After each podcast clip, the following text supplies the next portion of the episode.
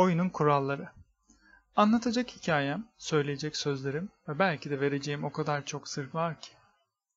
Nereden başlamalı yazmayı bilemezken yine kaderin eline sağlık benim önüme atıverdi bir hikaye.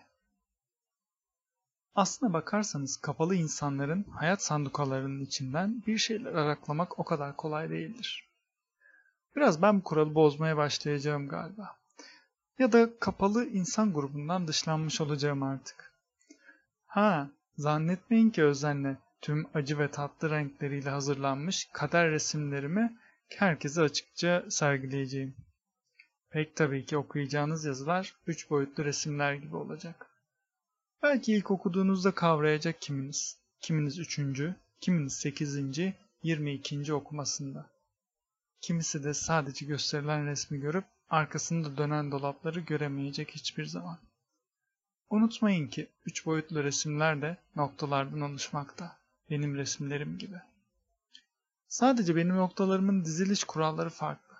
Benim resimlerimi kelimeler, kelim, kelimelerimi de noktalar sırlayacak.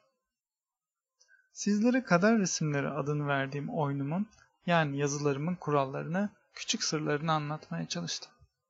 Gelecek hafta oyunumuza başlıyoruz. Katılırsanız bizleri mesut edersiniz. Hepinize başarılar. Burada e, ilk haftaki yazımı paylaşmış oldum ve onun öncesinde de bir teşekkür yazım var. Onları da sizlerle paylaşmak istiyorum o yazıyı. İnsan ne zaman, nerede bulunabileceğini bazen kestiremiyor. Hiç beklemediğiniz bir anda bir bakmışsınız, ummadığınız bir yerde belirivermişsiniz ve kendinizi kaderin kollarına bırakıvermişsiniz o tüm şapşallığınızla. İşte tam da böyle bir haldeyken kendimi burada Mekturka yazarı olarak buluverdim.